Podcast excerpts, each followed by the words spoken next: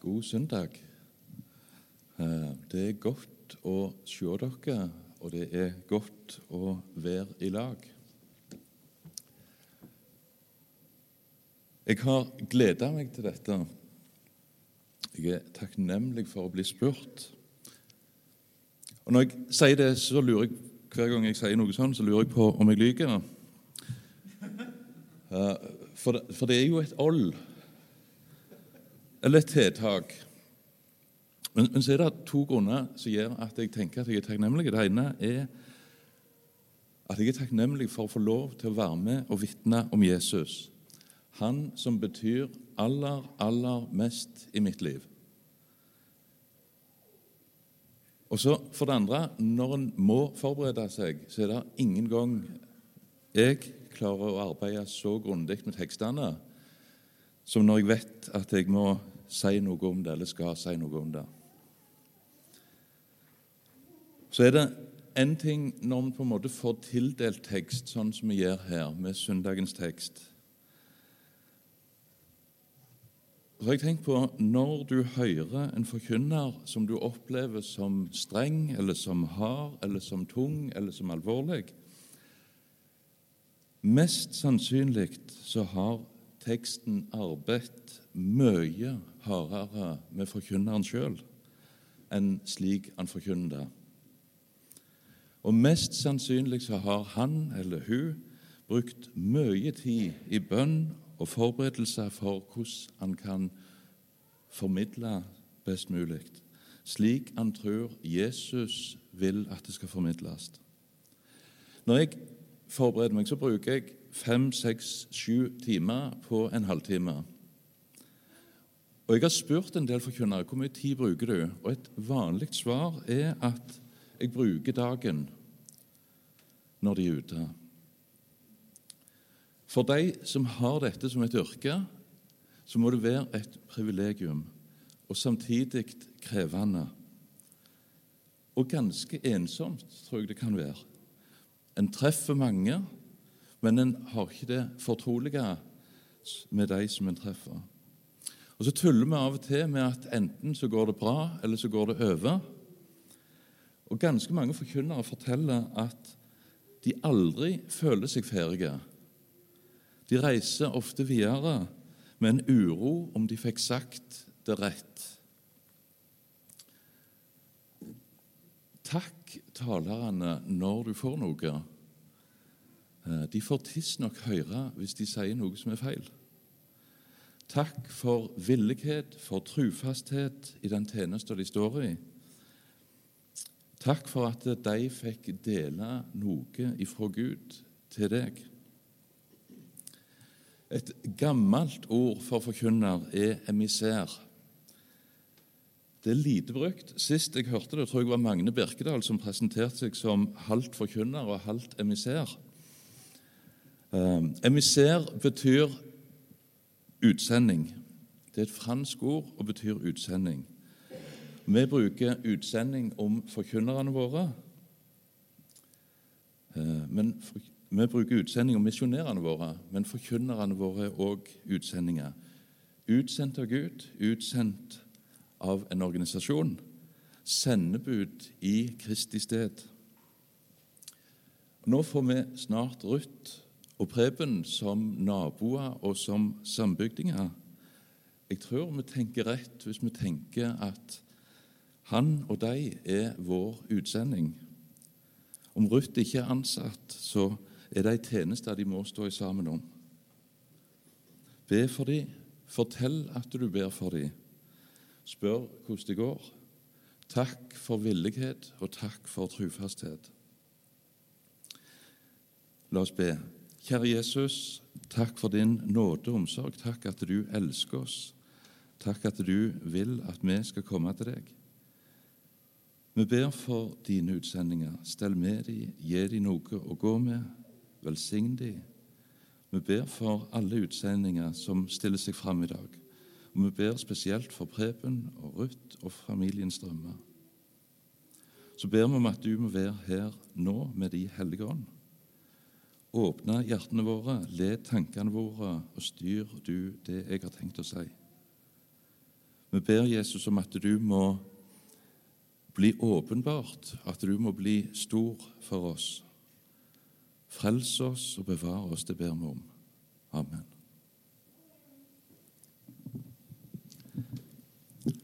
Teksten denne søndagen er fra Lukas 3 og er en voldsom tekst. Advent er ei fastetid. Hvem skulle trodd når vi ser rundt oss? Men det er ei fastetid med bot og sjølransakelse. Og Teksten vår denne søndagen begynner med at Johannes kaller folka rundt seg for ormeyngel. Altså barn av ormen eller barn av slangen. Djevelens barn. Sånn innleder Johannes talen til folka. Vi havner midt i Johannes sin forkynnelse om at folket må omvende seg. I versene før denne teksten som vi skal lese, så står det at Guds ord kom til døperen Johannes, og at han dro omkring i hele landet ved Jordan og forkynte omvendelsens dåp til syndenes forlatelse. Johannes var ei røst som ropte i ørkenen. Bokstavelig talt i ørkenen, land ved Jordan.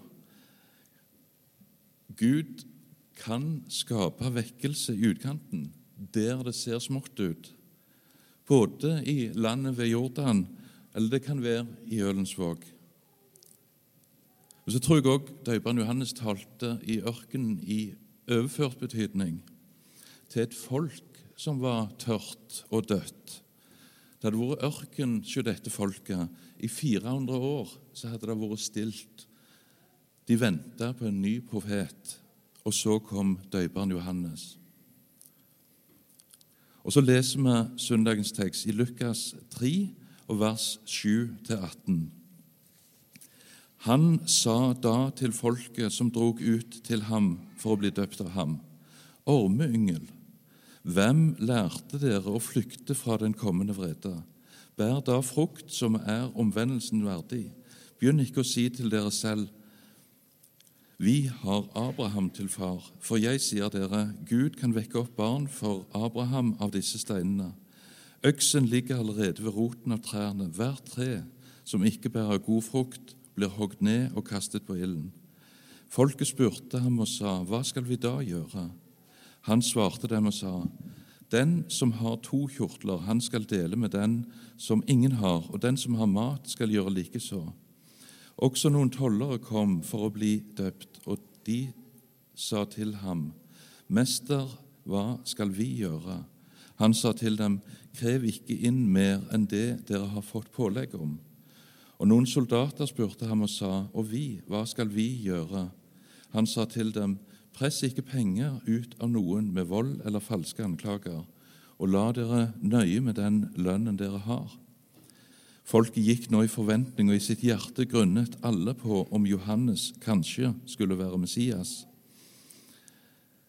Da svarte Johannes dem alle og sa, Jeg døper dere med vann, men Han som kommer, som er sterkere enn meg. Jeg døper dere med vann, men Han kommer, som er sterkere enn meg jeg er ikke engang verdig til å løse hans skoram. Han skal døpe dere med Den hellige ånd og ild. Han har sin kasteskavl i hånden for å rense sin treskeplass og samle hveten i låven. Men agnene skal han brenne opp med uslokkelig ild. Han ga også mange andre formaninger til folket og forkynte evangeliet for dem. Jeg syns dette er en tekst som er vanskelig å tale over. Det er lett å falle for fristelsen til å glatte over. Eh, og det er lett for å falle for fristelsen til å gni inn. Det er en fare for at vi peker på Jesus før på en måte alvoret får sunket inn i oss. Og det er en fare for å gni det inn, konkretisere på måter som Bibelen ikke gjør. Men så er det bare Gud som kan virke i våre hjerter. Gjennom døperen Johannes så taler Gud til folket på en sånn måte at de ser sine synder. slik at de får bruk for en frelser. Apostelen Johannes skriver slik.: Dersom vi sier at vi har samfunn med Han, men vandrer i mørket, da lyver vi og gjør ikke sannheten. Men dersom vi vandrer i lyset, liksom Han er i lyset, da har vi samfunn med hverandre, og Jesu, Hans Sønns blod, renser oss fra all synd. Dersom vi sier at vi ikke har synd, da bedrar vi oss selv, og sannheten er ikke i oss. Dersom vi bekjenner våre synder, er Han trofast og rettferdig, så han forlater oss synden og renser oss fra all urettferdighet. Dersom vi sier at vi ikke har syndet, så gjør vi ham til en løgner, og hans ord er ikke i oss. Vi har så lett for å bli sløve. Vi, har, vi står i en fare for å sovne. Teksten forrige søndag var innom det å bli tynga av rus og svir og timelige bekymringer på en slik måte at vi ikke er klar når Jesus kommer igjen. I Lukas 21 så står det men ta dere i vare så ikke deres hjerte tynges av rus og svir og timelige bekymringer, så den dagen skulle komme uventet over dere som en snare. For den skal komme over alle dem som bor over hele jorden. Men våk hver tid og stund og be at dere må bli aktet verdige til å unnfly alt dette som skal komme, og til å bli stående for menneskesønnen. I 1. Peter så står det noe lignende. Der står det 'Vær edrue, våk'. Deres motstander djevelen går omkring som en brølende løve og søker noen han kan oppsluke. Og Jesus sier i Markus kapittel 13.: Men denne dagen eller timen kjenner ingen, ikke engang englene i himmelen, ikke engang Sønnen, men bare Faderen. Vær på vakt, våk, for dere vet ikke når tiden er der. Det er behagelig å sove. Det å la seg flyte med det å være en del av massen. Og så ber Jesus oss innstendig om å være våkne, om å våkne, slik at vi er klar når Han kommer. Jesus kommer snart, og han skal skille mellom de som er frelst, og de som er fortapt.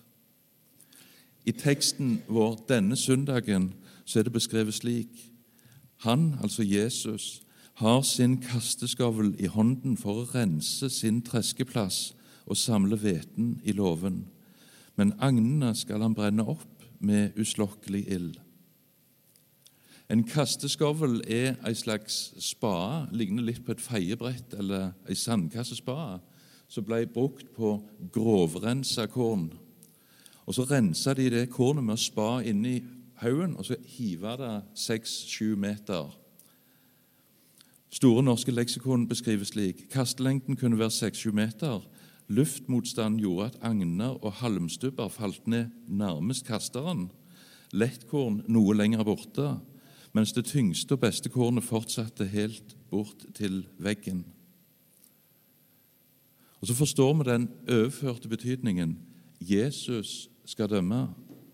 På dommens dag skal han skille i denne flokken de som hører til han, kveiten, og de som ikke gjør det, agnene. Kveiten skal han samle i låven, himmelen. Agnene skal brenne opp med uslokkelig ild, fortapelsen. Så er det, det er et ufattelig alvor i dette. Frelst eller fortapt, himmel eller helvete. Og så er budskapet i teksten våkne. Vend om. Kom til Jesus. Døperen Johannes var en vekkelsesforkynner, en som forkynte til at folk skulle våkne. Og Måten han forkynte på, var å peke på synd hos de som hørte. Til folket så sa han Del klær og mat med de fattige. Til tollerne så sa han, ikke krev inn noe ekstra som dere tar sjøl. Til soldatene så sa han, ikke misbruk den makta dere har til å presse penger ut av folk. De måtte vende seg om ifra de vonde gjerningene. De måtte be om syndenes forlatelse, og de måtte bære frukt som var omvendelsen verdig. Uten frukt var omvendelsen uten verdi. Da var omvendelsen bare tomme ord. Bær da frukt som er omvendelsen verdig. Begynn ikke å si til dere selv 'Vi har Abraham til far'. For jeg sier dere, Gud kan vekke opp barn for Abraham av disse steinene. Øksen ligger allerede ved roten av trærne. Hvert tre som ikke bærer god frukt, blir hogd ned og kastet på ilden. Johannes anbefaler ikke å bære frukt. På vegne av Gud så krever han. Johannes sier ikke at det er frivillig å bære frukt for de mest engasjerte.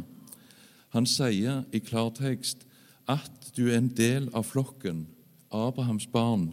Det berger deg ikke. Lev som en kristen. Bær frukter. Hvis ikke er du død. Hvis ikke går du fortapt. Og Så tilpasser Johannes budskapet sitt etter hvem han taler til. Folket som ikke ville dele, for et budskap. Tollerne som stakk til seg sjøl, for et annet. Soldatene som kunne misbruke makta si, for et tredje. Og Så kan jeg spørre meg hva ville Johannes pekt på i mitt liv? Vi ber om vekkelse vi ber om at han må begynne med meg, og vi må begynne med oss. Tør du be Gud om å vise deg din egentlige stilling overfor Gud? Er du villig til å se den synda Gud peker på hos deg? Og er du villig til å ta et oppgjør med henne? Kong Belsasar i Daniel 5 fikk skrifta på veggen. Mene, mene, tekelu farsin. Tellet har Gud ditt kongedømmes dager og gjort ende på det. Veid er du på vektskål og funnet for lett. Delt er ditt rike og gitt til mederne perserne. Veid er du på vektskål og funnet for lett, gjelder meg og deg òg. Og før eller seinere så gjelder òg tellet har Gud dine dager. Er vi klar? Er vi våkne? Har vi vendt oss bort ifra våre synder? Jakob, bror til Jesus, taler om tru og gjerninger. I Jakob 2.: Mine brødre, hva gagner det om noen sier at han har tro, når han ikke har gjerninger? Kan vel troen frelse ham? Dere ser at et menneske blir rettferdiggjort ved gjerninger, og ikke bare av tro. For liksom legemet er dødt uten ånd, slik er også troen død uten gjerninger. Jakob taler om det samme som døperen Johannes. Ei tru uten omvendelse fra synd er ei død tru. Ei tru uten oppgjør med synda i våre liv er ikke ei levende tru. Og Tilsynelatende så krasjer dette fullstendig med det lutherske sola fide ved tro alene. Men så gjør det ikke det. Det er ikke krasj. Ved tru alene blir vi rettferdiggjort. Men ei tru uten frukter, ei tru uten gjerninger, ei tru som ikke viser igjen i livet, er ikke ei tru. Galaterne 5 forklare og beskrive hva som er naturlig for oss. Kjødets gjerninger er åpenbare. Det er slikt som utukt, urenhet, skamløshet, avgudsdyrkelse, trolldom, fiendskap, trette, avvindssyke, sinne, ærgjerrighet, splittelse, partier, misunnelse, mord, drukkenskap, svirelag og annet slikt. Om dette sier jeg dere på forhånd, som jeg også før har sagt dere, de som gjør slikt, skal ikke arve Guds rike. Og Så vet vi fra bergpreika at Jesus tolker dette på strengeste måte. Både tankene våre, ordene våre, gjerningene våre teller. Hvis jeg tenker urtukt eller urenhet, skamløshet De som gjør slikt, skal ikke arve Guds rike. Og Så kommer disse tankene uansett, og kanskje ekstra mye hvis vi prøver å la være. Hva gjør jeg med dette? Gjemmer jeg, forklarer jeg, og bortforklarer og forsvarer for meg sjøl? Eller går jeg til Jesus og får tilgivelse og omvender meg? Det som blir kalt for den daglige omvendelsen. På nytt og på nytt må jeg gå til Jesus. Ei tru uten frukter er ei død tru. Og Så fortsetter Paulus å beskrive hvilke frukter vi skulle hatt. For vi skal ikke bare være fri fra synd, men vi skal være hellige. Åndens frukt er kjærlighet, glede, fred, langmodighet, mildhet, godhet, trofasthet, ydmykhet, avholdenhet. Slik skulle jeg være. Slik skulle mine tanker og mitt sinn være alltid. Og så én tanke ut forbi dette, så er jeg skyldig til fortapelsen. I Jakob 2,10 så står det For den som holder hele loven, men snubler i ett bud, han er blitt skyldig i dem alle. Dette er lovens tale. En tale som forhåpentligvis får meg til å se at i meg sjøl så er jeg fortapt. Jeg klarer ikke engang å tro. Og så uttrykker Paulus i kapittel 7 i Romerbrevet 'Jeg elendige menneske'. Jeg elendige menneske. Våren 1992 så var jeg elev på Fjelltun bibelskole. Knut Pedersen, som vi kjenner som lærer og forkynner, arbeidet der. Og så hadde vi i møteveka, eller vi fulgte etter Knut, som hadde ei møteuke på Finnestad bedehus våren 1992. Omtrent på dette punktet i talen så gikk Knut og satte seg. Det var en helt annen tale, det var en helt annen nådegave til å forkynne. Og det var ei møteuke som skulle fortsette neste kveld.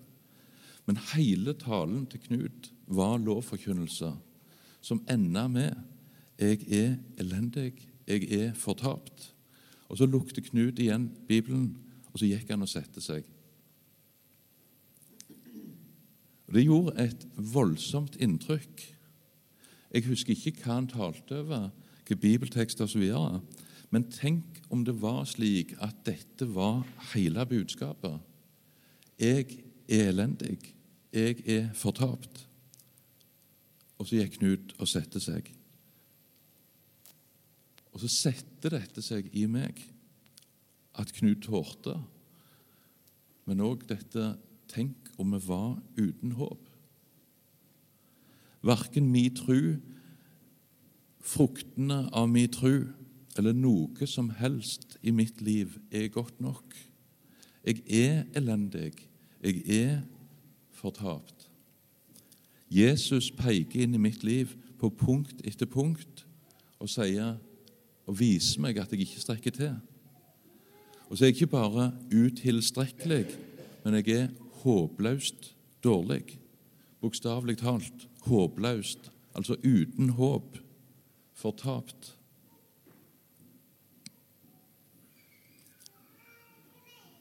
Og Nå er vi på det punktet der jeg verken skal gni inn eller glatte over. Men det er altså i denne tilstanden Jesus møter oss. På Finnestad bedehus er det et bilde framme på veggen der det står Og jeg vil se blodet og gå eder forbi, fra 2. Mosbok 12.13. Jeg vet ikke om Knut tenkte at bildet på veggen skulle fortale den kvelden, men det gjorde det. Blodet ifra lammet på dørkarmen berga israelsfolket da dødsengelen gikk ifra hytte til hytte i Egypt. Når dødsengelen så blodet, så gikk han forbi og straffa ikke de som satt inn forbi. Når jeg tar min tilflukt til Jesus, når jeg er i Jesus, så blir jeg berga. Hans blod gjorde opp for min håpløse og fortapte situasjon. Når Gud ser meg i Jesus, så er jeg fri. Jeg er løst, jeg er berga, jeg er frelst. I Han. Folket lurte på om Johannes døperen var Messias. Det var han ikke. Johannes var en veirydder for Jesus. En som talte på en måte som gjorde at folket så at de trong en frelser.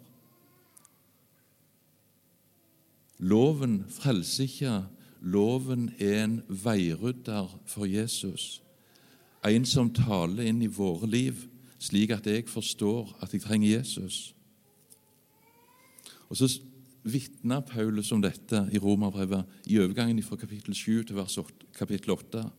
Jeg, elendige menneske, hvem skal fri meg fra dette dødens legeme? Gud være takk ved Jesus Kristus, vår Herre. Jeg som jeg er, tjener da Guds lov med mitt sinn men syndens lov med mitt kjød, så er det da ingen fordømmelse for dem som er i Kristus Jesus. Teksten denne søndagen slutter med han ga også mange andre formaninger til folket og forkynte evangeliet til dem, for dem. Vi vet ikke hva formaninger Johannes døperen ga. Men evangeliet kjenner vi. Jesus kom for å frelse verden. Og så er denne søndagsteksten i seg sjøl en formaning til oss tredje søndag i advent. Vi feirer jul fordi vi trenger en frelser. Evangeliet, juleevangeliet, er en formaning om å ta imot den gaven Gud ga, for å frelse oss fra å gå fortapt. Johannes var en veirydder for Jesus. Han forkynte omvendelsens dåp til syndenes forlatelse. Folket kom til Johannes. De fikk se sin synd. Og Så døypte han dem, og i dåpen erkjente de at de var syndere. Så ble de vaska og fikk syndenes forlatelse. Jesus ble også døpt av døperen Johannes. Og Da Jesus ble døpt av Johannes, så tok han på seg all verdens synd. Fra Jesus ble døpt, så var han Guds lam som bærer verdens synd. Fra da av bar han vår synd, og den bar han til Golgata, til soning for oss. I Matteus 11,11 11 så sier Jesus.: Sannelig sier jeg dere, noen større enn døperen Johannes er ikke reist opp blant dem som er født av kvinner, men den minste i himlenes rike er større enn han. Og I vår tekst så sier Johannes, 'Jeg døper dere med vann, men Han kommer som er sterkere enn jeg.' 'Jeg er ikke engang verdig til å løse skoremmen hans.' 'Han skal døpe dere med Den hellige ånd og ild.' Johannes var den største født av kvinner i den gamle pakt større enn Moses, Abraham, David, Jesaja.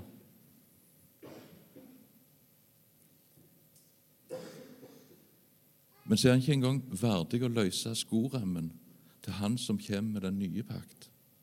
Han er størst i den gamle pakt fordi han peker på Jesus.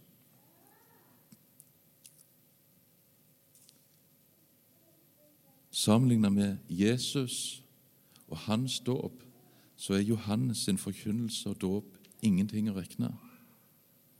Jesu dåp og frelse er mye større. Den som tror og blir døpt, skal bli frelst, men den som ikke tror, skal bli fordømt. Ved å tro, ved å ta imot Hans dåp, blir vi frelst, og vi får Den hellige ånd.